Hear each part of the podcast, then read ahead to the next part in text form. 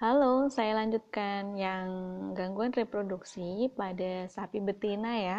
Kemarin kita sudah bahas sedikit tentang penyebab yang pertama yaitu adalah cacat anatomi saluran reproduksi betina.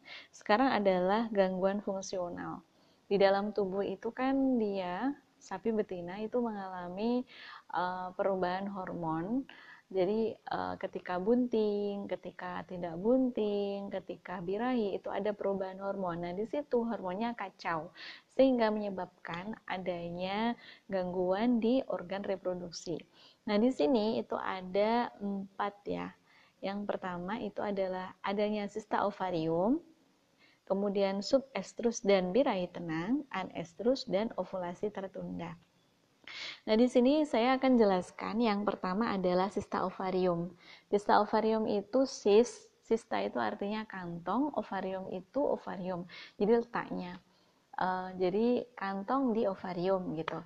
Nah, kantongnya itu bukan kantong yang normal. Jadi kalau dia normal itu bentuknya kan memang ada bulatan-bulatan. Itu isinya adalah sel telur di dalam folikel. Jadi folikel terus ada telurnya. Nanti kalau dia mau uh, menetas diri keluar, itu kan dia rilis itu keluar dari uh, menuju ke endometrium untuk dibuahi sama si sperma.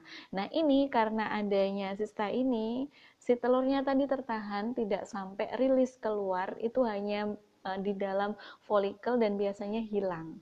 Nah, di situ ini uh, sista ovarium itu dibagi menjadi tiga. Kalau uh, tadi ya, karena dibagi menjadi tiga ada sista ovaria, sista folikuler, dan sista luteal. Penyebabnya sama yaitu rendahnya hormon luteining uh, hormon, luteinizing hormon. Itu di, uh, dihasilkan oleh pituitari anteriornya. Uh, sedangkan faktor predisposisi dari rendahnya hormon sendiri itu karena adanya herediter ya. Memang dia keturunan seperti itu atau problem sosial dan diet protein sista itu kan tidak mengalami uh, penetasan. Sehingga apa di situ dia uh, apa ukurannya lebih besar dari folikel yang sebenarnya. Dia mau menetas tapi nggak bisa gitu loh. Nah ini biasanya akan menyebabkan uh, anestrus atau nymphomania. Anestrus itu sapi tidak mengalami birahi atau nymphomania. Dia uh, birahi terus.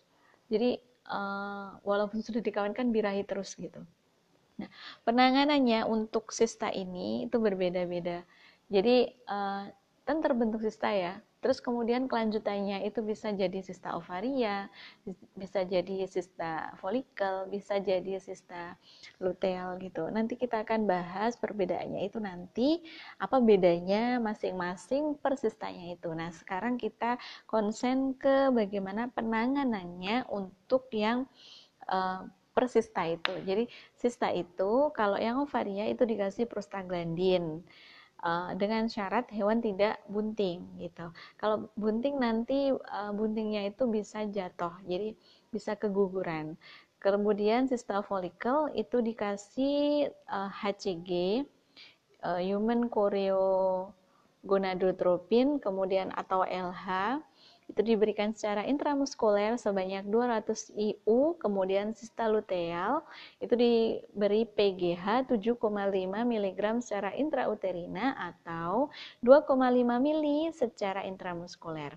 Selain itu juga dapat diterapi dengan PRID atau CIDR intrauterin 12 hari. 2 sampai 5 hari setelah pengobatan sapi akan birahi. Nah, ini adalah uh, sista ya. Kemudian yang kedua itu yang penyebab dari fungsional gangguan fungsional itu adalah adanya subestrus dan birahi tenang. Subestrus merupakan suatu keadaan di mana gejala birahi yang berlangsung singkat atau pendek, hanya 3 sampai 4 jam dan disertai ovulasi atau pelepasan telur. Birahi tenang merupakan suatu keadaan sapi dengan aktivitas ovarium dan adanya ovulasi namun tidak disertai dengan gejala estrus yang jelas.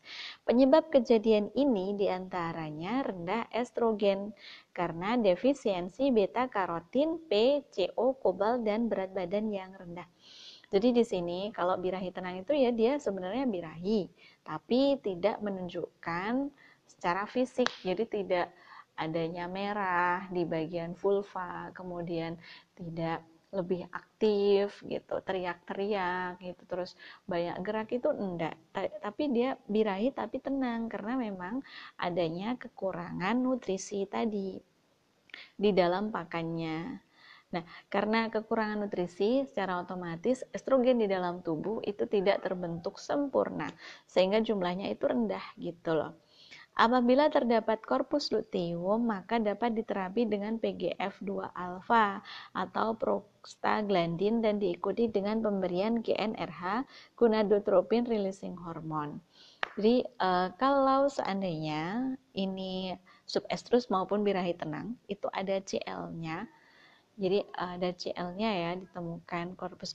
Jadi di sini korpus luteum itu juga terdapat di dalam uh, sel telur dia bentuknya lebih keras dibandingkan sista tadi ya.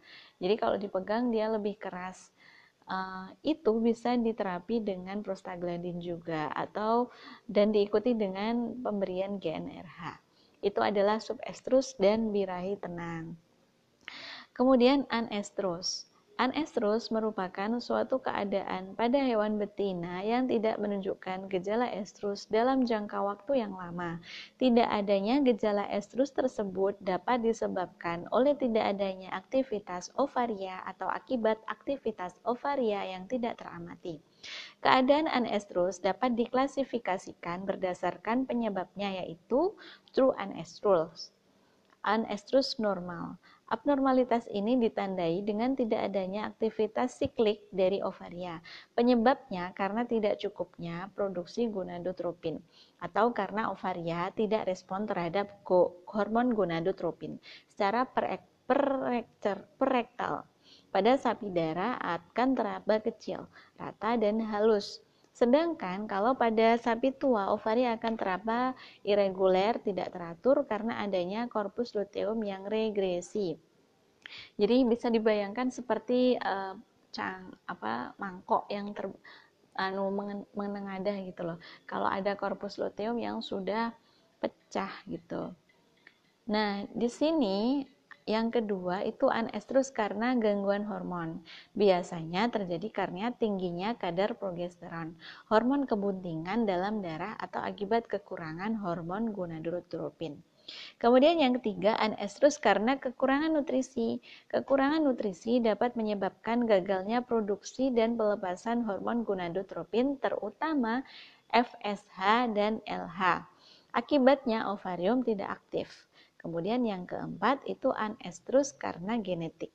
Anestrus karena faktor genetik yang sering terjadi adalah hipoplasia ovarium dan agenesis ovarium. Ovaria. Jelas ya uh, kemarin saya sudah bahas kalau apa hipoplasia ovaria. Jadi ovariumnya itu ukurannya kecil. Kemudian kalau agenesis ovaria itu ovarianya tidak terbentuk. Nah, penanganan dengan perbaikan pakan sehingga skor kondisi tubuh atau SKT meningkat. Perangsang aktivitas ovaria dengan cara pemberian ECG 3000 sampai 4500 IU GnRH 0,5 mg. PRID atau CIDR dan estrogen. Nah, ini adalah um, gangguan fungsional ya. Uh, semoga hmm, jadi ini oh, terus sampai nomor. Hmm, ini masih satu lagi. Ovulasi yang tertunda. Ovulasi itu keluarnya sel telur dari folikel ya. Jadi dia menetas itu namanya ovulasi Ovulasi tertunda atau delayed ovulation merupakan suatu kondisi ovulasi yang tertunda atau tidak tepat waktu. Hal ini dapat menyebabkan perkawinan atau IB tidak tepat waktu, sehingga fertilisasi atau pembuahan tidak terjadi dan akhirnya gagal untuk bunting. Penyebab utama ovulasi tertunda adalah rendahnya kadar LH dalam darah.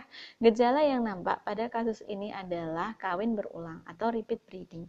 Terapi yang dapat dilakukan di antaranya dengan injeksi GnRH 100 sampai 250 mikrogram gonadro gonadorelin saat IB.